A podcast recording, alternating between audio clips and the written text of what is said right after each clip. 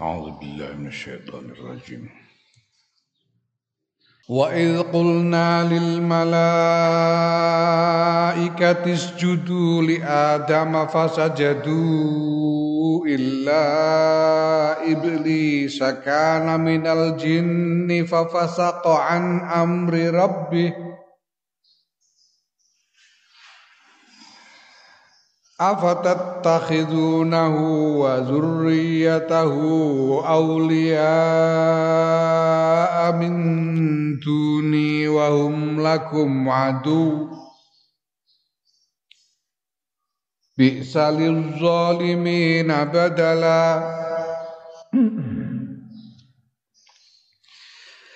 ما أشهدتهم خلق السماوات والأرض ولا خلق أنفسهم وما كنت متخذ المضلين عددا ما أشهدتهم خلق السماوات والأرض ولا خلق أنفسهم وما كنت متخذ المضلين عضدا. ويوم يقول نادوا شركائي الذي زعمتم فدعوهم فلم يستجيبوا لهم. فدعوهم فلم يستجيبوا لهم وجعلنا بينهم موبقا.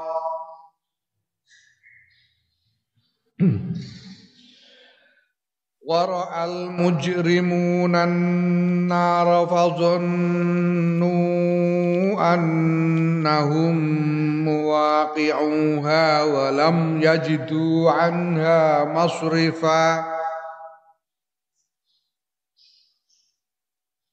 ولقد صرفنا في هذا القرآن للناس من كل مثل وكان الإنسان أكثر شيء جدلا. وما منع الناس أن يؤمنوا إذ جاءهم الهدى ويستغفروا ربهم إلا وما منع الناس أن يؤمنوا إذ جاءهم الهدى ويستغفروا ربهم إلا أن تأتيهم سنة الأولين إلا أن تأتيهم سنة الأولين أو يأتيهم العذاب قبلا. وما نرسل وما نرسل المرسلين إلا مبشرين ومنذرين ويجادل الذين كفروا بالباطل. ويجادل الذين كفروا بالباطل ليدحضوا به الحق. واتخذوا آياتي وما أنذروا هزوا.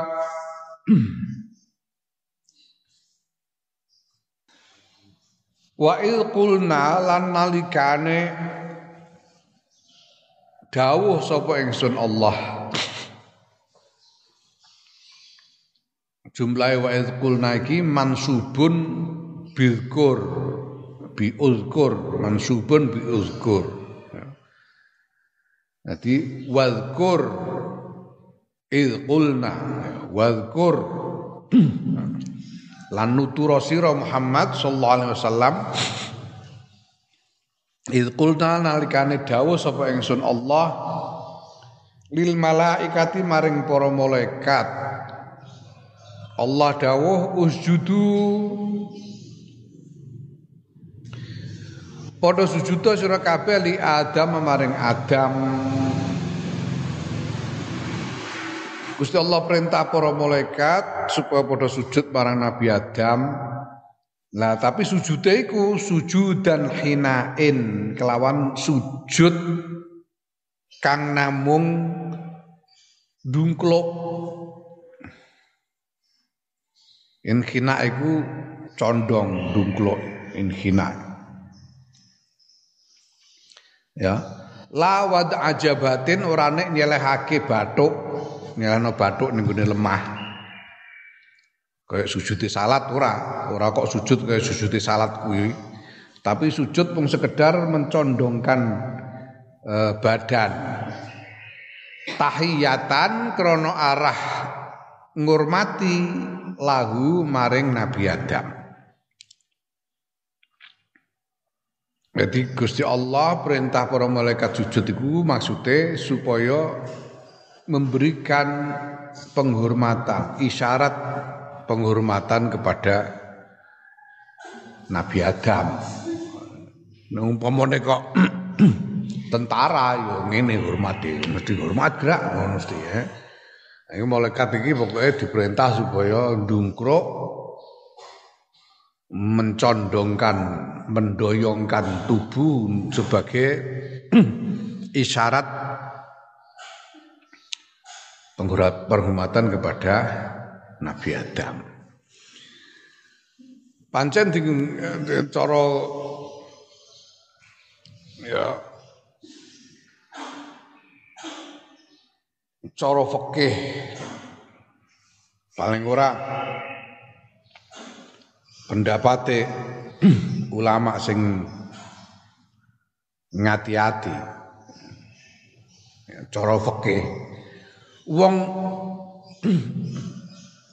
ruk apa jenenge? Rukuk karo sujud. Rukuk rukuk. Membungkukkan badan sampai hmm, 90 derajat itu. Karo sujud iku ora kena ning sak jabane salat namun kena dilakoni sak jrone salat rukuk karo sujud Sebab rukuk karo sujud iku tingkah nyembah. Ah di rukuk ngene iku nyembah marang Gusti Allah. Ya. Sujud nyembah marang Gusti Allah. Mula ora kena dilakoni kejaba sakjroning salat. Nek lakoni kudu sakjroné salat. Ya. Nah, dengan demikian pertama sujud-sujud sing disunatake yaiku umpamane sujud tilawah yaiku sujud tilawah lan sujud apa jenenge? Sujud syukur, sujud tilawah lan sujud syukur. Sujud tilawah iku sujud nalika maca Quran utawa ngrungokno wacaran Quran pas ning bagian-bagian tertentu sing diarani bagian sajdah. Bagian disunatake sujud krana wacan Quran kaya ning surat Iqra iku pas wasjud wa tarib iku disunatake banjur sujud tilawah. Ya ana jumlah bagian ngene Quran niku nek nalika maca utawa ngrungokno wacan pas bagian iku iku disunatake sujud tilawah Sujud tilawah iku sak sujudan, sak sujudan sujud sepisan tegese. Beda karo sujud sahwi nek sujud sahwi iku ping rong sujudan, sujud tilawah utawa sujud syukur iku namung sepisan sujude. Sak sujudan. Nah carane ya kudu dibingkai di dalam sholat. Ora kena to sujud glundung ngono gak kena mergo sujud sak jabane salat iku ora kena. Disujud bahkan sujud tilawah lan sujud sahwi. Eh kok sujud sahwi? Sujud lah sujud syukur, sujud tilawah lan sujud syukur iku kudu dibingkai di dalam salat. Tegese dibingkai di dalam salat iku piye? oleh nglakoni kudu netepi syarat-syaratnya salat. Yaiku kudu suci saka hadas, suci badane, pakaiane, panggonane. Kudu suci. Sing kedua dikawiti nganggo takbiratul ihram, diakhiri nganggo salam. Jadi pertama kudu Nah tapi syaratnya salat, syarat salat suci saka hadas, suci saka najis, nutup ngorat. Hadas, suci saka najis, nutup ngorat. Tama. Pindho dikawiti nganggo salam, diakhir eh dikawiti nganggo takbiratul ihram, diakhiri nganggo salam. Dadi Allahu Akbar, terus sujud Allahu Akbar, terus linggih Allahu Akbar salam. Assalamualaikum warahmatullah. Assalamualaikum warahmatullah. Dibingkai di dalam salat, dikawi di takbiratul ikhram, diakhiri dengan salam. Wongku salah kaprah. Kadang-kadang itu eh, kan ono iku olahragawan olahragawan pertandingan menang terus langsung sujud eh. Rumah sana sujud syukur. Itu ora bener ajane ora bener. Main badminton menang sujud syukur padahal kata ancekak. Kate cawe dok eh. kata ancekal sujud. Ora iso. Kudu dibingkai dengan salat. Netepi syarat-syaratnya salat dikawiti nganggo takbiratul ihram diakhiri nganggo salam. Nah, dan sekali lagi sak jabane salat gak kena, rukuk sujud sak jabane salat iku gak kena, ujug-ujug sujud. Gak kena. Di antara sing kudu ngati-ngati kuwi salaman karo kiai. Ya, iku aja karo ruko, aja. Ngantek ruko ngantek. Hmm? Ben sok ben dadi kiai bareng nek salaman aja terus mbok kenekno ben wonge ndungkruk ngono aja.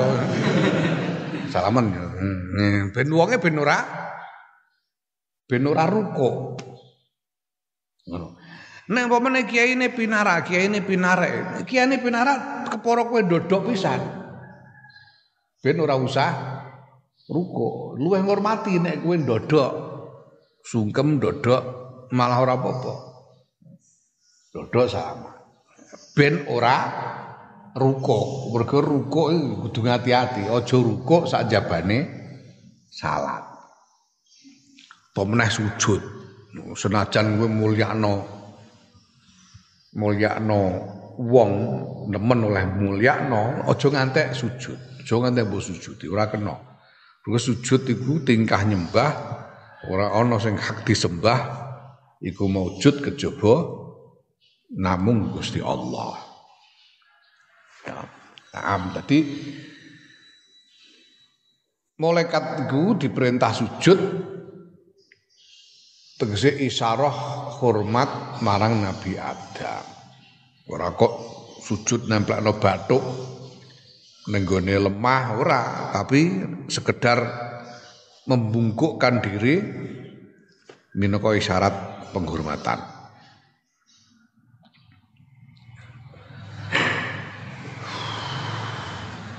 Gusti Allah perintah sujud fasa jadu mau kepada sujud sapa malaikat illa iblisa kejaba iblis coba iblis ya karena ana sapa iblis ku minal jenis tengah saing jin. Nah, iblis iku jin. iblis iku jin. Nah banjur para ulama iki banjur eh apa jenenge berpikir kan lah terus jin iku piye? Jin iku makhluk yang berbeda apa termasuk malaikat? Ya ana sing berpendapat kila den ngendikake hum utawi jin iku naun sawerna minal malaikati saing malaikat. Jin itu sebetulnya juga malaikat sakjane. Sejenis malaikat. Ya. Lah jin iku dianggap termasuk malaikat, nek jin iku dianggap termasuk malaikat, fal istisna'u mongko utawi istisna sing nganggo illa istisna istisna bi illa iku illa iblis iku istisna sing mutasilun mutasil. Iku mutasilun istisna kang mutasil. Istisna sing mutasil ku piye? Kalau antara e, mustasna dan mustasna min dunia itu satu jenis. Pamane e, Ja'a at-talamizu illa ya. Santri-santri wis teko kabeh kejaba fa'iq. Iki mutasil mergo sejenis antara mustasna at-talamiz apa jenenge uh, fa'iq sebagai mustasna karo at-talamiz sebagai mustasna min satu jenis mustasna adalah bagian dari mustasna minhu ini jenenge istisna sing muttasil. Ya. Nah. Wakil lan den ngendikake huwa ta istisna iku mungqatiun mustasna sing mungqati mustasna sing mungqati iku piye? Mustasna sing mungqati itu kalau mustasna sebetulnya tidak sejenis dengan tidak termasuk jenis dari mustasna minhu. Ya. Qamal qaumu illa himaron.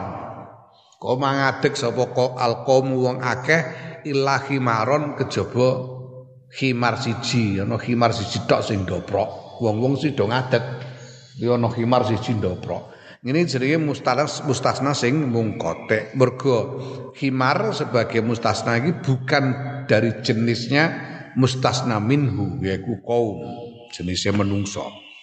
Ya. Nah kalau iblis ini dianggap bukan termasuk malaikat, jin itu tidak termasuk jenisnya malaikat, berarti mustasna mustasna mungkote. Ya. Wa iblisu utawi iblis wa ya iblis iku abul jinni bapakane jin. Ya, kaya Nabi Adam iku uh, Abul Insan. Nabi Adam Nabi Abul Insan jin iku Abul Jinni. Apa jadi iblis iku Abul Jinni, bapakane jin. Falahu mongko aku tetap kedua iblis zurriyatun utawi anak turun zurriyah. Ya. Wa lan ditutur apa zurriyah mahu sertane iblis ba'du dalam sause mengko ning mburi disebut iku afatat takhizunahu wa dzurriyyatahu ditutur bareng sertane iblis ya. Engko ning mburi. Nah wal malaikatu halu ta malaikat kula dzurriyyata ora duwe anak turun niku maujud lahum kedue malaikat. Malaikat ora duwe anak turun. Iblis ana anak turune iku jin-jin ya Eh mulane nganti ana sing takok, nek Nabi Adam iku duwe anak turun menungso kabeh. Garwane na, garwane Nabi Adam iku Ibu Hawa. Iblis nurunake jin-jin. Lah bojone iblis sapa? Sing takok ngono. Jadi on biyen iku ana ulama jenenge Asy-Sya'bi. Asy-Sya'bi iku Abu Amir Abu Amr Amir bin Sarohil Amir bin Sarohil Al-Humair terkenal dengan julukan Asyabi. Selagi mulang ini ki lagi mulang ini ki ono bakul apa bakul minyak liwat bakul minyak zaman semono iku nyunggi gentong ngono liwat. Hmm, ikul gedong liwat terus ono roh asak bil lagi mulang terus diselehno gendonge selehno terus marek dari mbah yai taklet mbah. Udah asak bil. Apa? Niku nek Nabi Adam niku kan garwane Ibu Hawa lah nek bojone iblis niku sinten? Duwe anak turun jin pirang-pirang niku bojone iblis niku sinten? Jabe asabi wah analika ngantenan aku ora diundang Kang Jerman aku ora diundang bareng aku gak aku pas ngantenan ora diundang. Ya, perkara ngono-ngono iku nek ora ana keterangan ya wis ora usah dipikir, ora usah digolek-goleki. Sopo bojone iblis? Ora usah ora ana keterangan. Terus ndi anak turun ngono ae ora disebut ya wis. Ya kowe padane kowe wajib iman marang eh, rasul selawe. Ya kan? Ana rasul iku selawe sing wajib mbok imani sebab ditutur mansus Nih Quran mulanya wajib di imani. Sementara kita juga diberitahu bahwa sebetulnya jumlah rasul, nabi dan rasul seluruhnya itu banyak. Wakila punjul songko satu sewu. Wakila. Oh terus mbok golek sapa wae? Kira-kira berarti anu itu Siddhartha Gautama itu nabi apa ora menawa? Menawa nabi. Wis ora usah dipikir mbah nabi mbah ora ngono ae. Ya. Mergo ana nabi, ana fungsi kenabian. Ana nabi, nabi rasul iku sing tampa wahyu saka Gusti Allah. Ana fungsi kenabian. Jadi asare nabi ku apa asare? Nah, ana wong-wong sing dudu nabi menawa menawa jane dudu nabi, tapi uripe iku ninggal asar kaya asare nabi. Iki jadi fungsi kenabian. Mulane kanjeng Nabi ku dawuh ulama ummati ka ambiya ibani Israil. Ulama umatku kanjeng Nabi dawuh ulama di kalangan umat kanjeng Muhammad sallallahu alaihi wasallam iku padha karo nabi-nabine Bani Israel. Nabi-nabine Bani Israel pirang-pirang. Ya, kejaba sing disebut ning Quran niku ana sing disebut ning hadis pirang-pirang.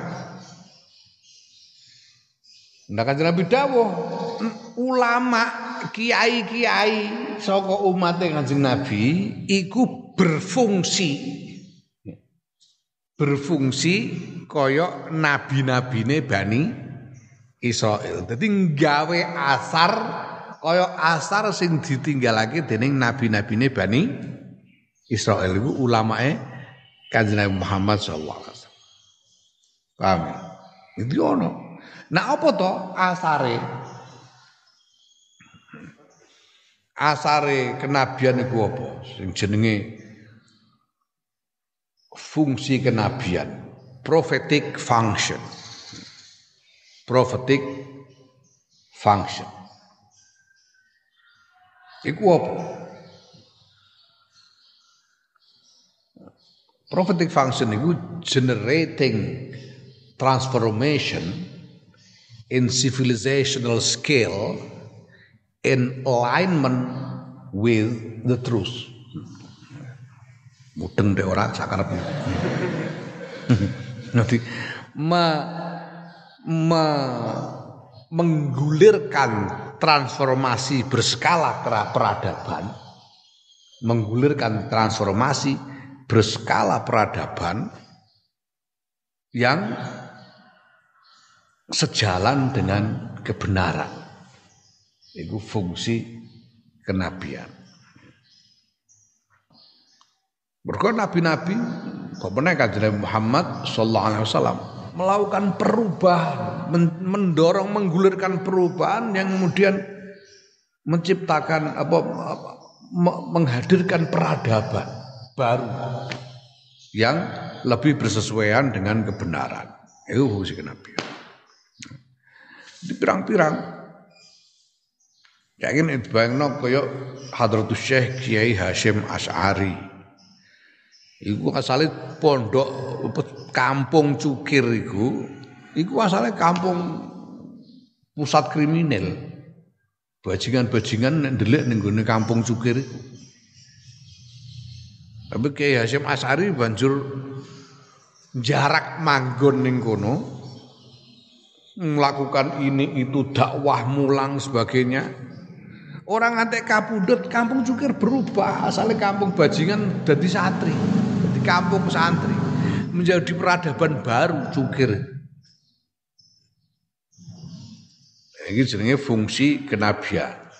Mulane ulama ummati keambiyai Bani Israel.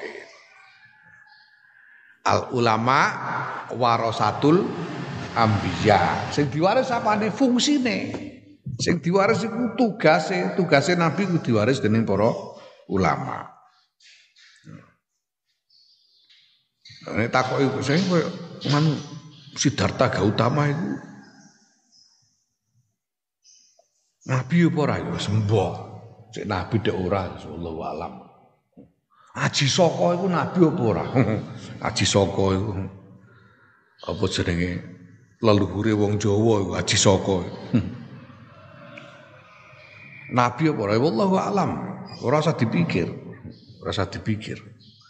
Nah, kalau kemudian kita melihat bahwa tokoh-tokoh itu menghadirkan transformasi berskala peradaban, ya kita katakan saja bahwa beliau menjalankan fungsi kenabian.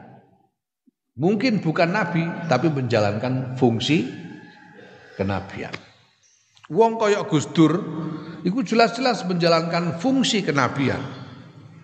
Kowe nek ngalami generasiku, aku generasi aku iki generasi sing ngrasakno berubah. Seluruh generasi berubah. Mergo Gus Dur.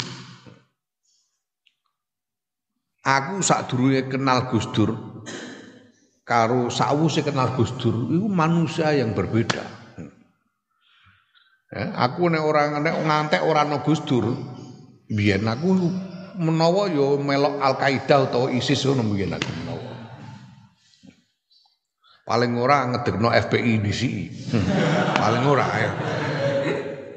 Tapi aku dan orang aku satu generasi, sak generasi kabeh delok wong NU sing sak umuran karo aku, kabeh berubah kabeh menjadi peradaban baru. Gus Dur menjalankan fungsi kenabian. Yududu nabi wong la nabi ya ba'dan ba'da Muhammadin sallallahu alaihi wasallam. Kalau sawise kanjeng Nabi ora nabi, dudu nabi tapi menjalankan fungsi kenabian bahkan kita bisa bilang misalnya orang seperti Abraham Lincoln. Abraham Lincoln presiden Amerika yang pertama kali sebagai pemimpin politik, pemimpin negara melarang perbudakan, mengharamkan perbudakan. Dan harus menempuh perang saudara habis-habisan untuk menegakkan larangan perbudakan itu. Karena sebagian Amerika pada waktu itu masih mau mempertahankan perbudakan. Perang habis-habisan. Sampai akhirnya menang dan perbudakan kemudian dilarang di Amerika dan larangan ini kemudian diterima secara umum di seluruh dunia sehingga hari ini seorang ono sing melegalkan menganggap perbudakan legal gak on. Perbudakan menjadi nista, menjadi kriminal. Ono wong kok isih ngingoni budak berarti wong jahat. Dina lagi ngono kan? Sekarang. Nah kita bisa katakan bahwa Abraham Lincoln menjalankan fungsi kenabian.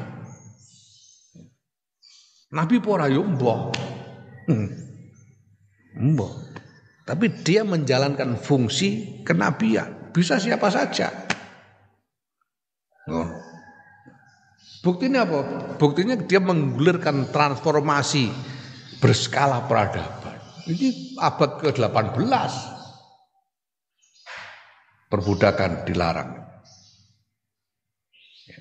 Kemudian bergulir menjadi peradaban menjadi dasar salah satu nilai dasar dari peradaban baru umat manusia di seluruh dunia bahwa perbudakan adalah kejahatan. Nah, melarang perbudakan itu bersesuaian dengan kebenaran. Oh kebenaran kebenaran kebenaran itu udah salah satu uh, uh, apa namanya nilai kebenaran itu adalah bahwa manusia itu mulia. Ya, manusia itu mulia. Walaqad karramna Bani Adam. Sehingga tidak benar salah kalau kemudian martabat manusia ini direndahkan menjadi properti. Menjadi milik itu salah. Sing benar manusia harus dimuliakan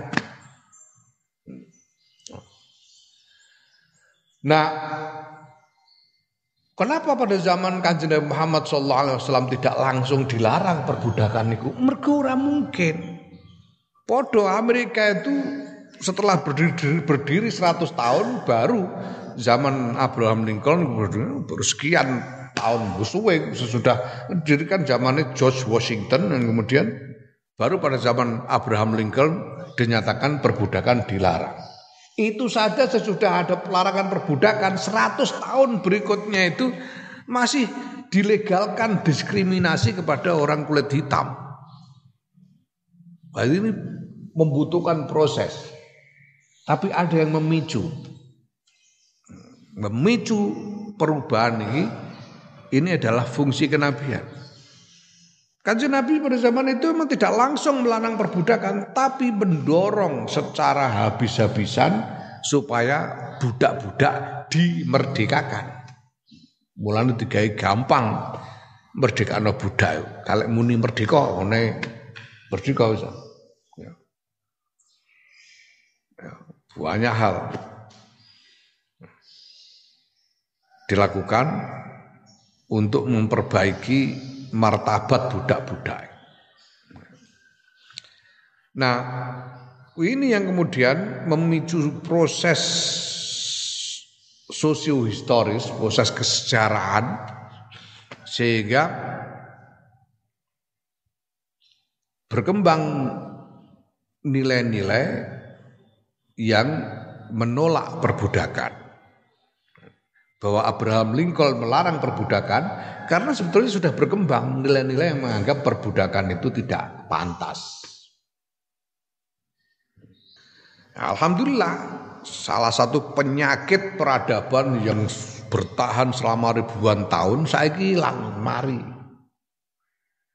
Sistem perbudakan itu bertahan dalam peradaban umat manusia selama ribuan tahun, ribuan tahun sejak zaman ada catatan sejarah. Pertama kali ada catatan sejarah, ngono perbudakan. Ribuan tahun bertahan. Akhirnya hilang. Nah, jadi penyakit peradaban, satu penyakit peradaban hilang, yaitu perbudakan. Ya. Mulane ora kena kok saiki terus bergawan Quran ono, berarti saiki gawe budak neh ora kena. Kowe penyakit wis mari kok ameh mbok gawe lara neh bintu jenenge. Boroken pirang-pirang ewu tahun mari. Terus mbok krowoki neh ngono jarang mbok krowoki yo bento jenenge kaya ISIS barang ngono. Yo jenenge ora waras bapak no. Hmm?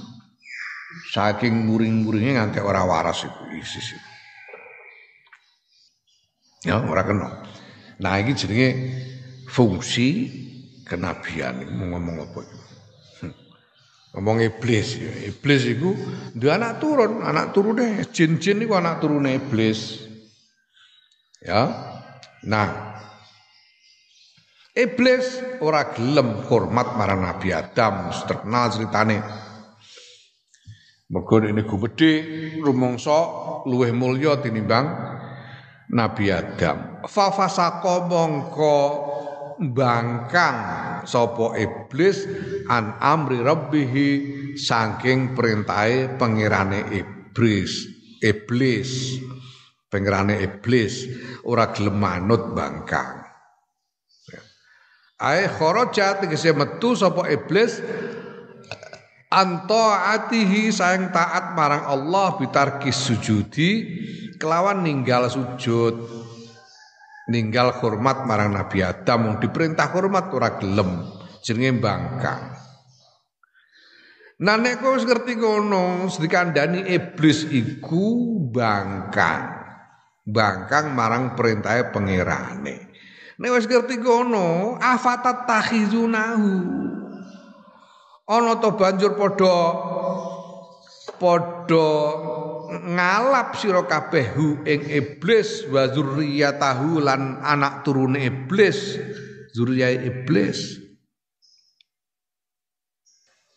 Ya, iki segote mukhatab dawuh iki ana to ngalap sira kabeh Nah sira kabeh sing dimaksud ning kene sapa? Khitabe marang sapa? Al khitabu tawi khitab dawuh iku li adama maring Nabi Adam alaihissalam wa zurriyatihi lan anak turun Nabi Adam termasuk awek dhewe kabeh iki. Ya. Nah wal ha utawi hak dhamir hak afatat takhizunahu wa dzurriyyatahu ya, hak ning kono fil maudhi'ain dalam panggonan loro iku li iblis kedue iblis rujuke marang iblis afatat takhidunahu ana to banjur ngalap sira kabeh hu ing iblis wa zurriyatahu lan anak turune iblis ngalap aulia ing dadi bolo ing dadi pira-pira bala min duni saking sakliyane ingsun Allah. Tegese dadi ana bala iku piye? Tuti'unahum.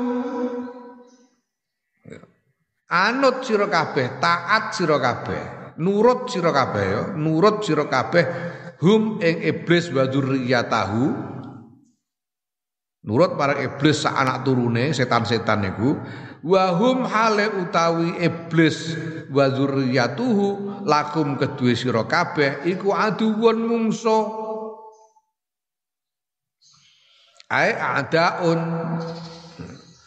segote mufrad tapi sing dimaksud jamak kenapa karena memang ai adaun piro-piro musuh karena memang semuanya iblis dan anak turunnya itu sebagai satu kesatuan sebagai satu kesatuan adalah musuh dari seluruh anak Adam sebagai satu kesatuan. Ngono. Jadi cara cara pamane bal-balan niku beda tim ngono. Kene iki tim anak Adam kono tim Bani Iblis. Ini tim Bani Adam kene Bani iblis karuan kene iki musuhan. Piye carane aja ngantek kegulan ah. Mosok kowe terus ngewangi iblis manut iblis yo nang lebokno golmu terus kowe manut. Nah, bento jenenge. Musuhan, mancane musuh sejak awal. Hmm. Ya, nah. Bisa elek banget uh, sopo iblis lizalimina kedhe wong-wong zalim apane badalan gentine. Dadi wahum lakum aduwun iku halun dadi hal. Jumlahe wahum lakum aduwun iku fi mahalli nasbin dadi hal halun.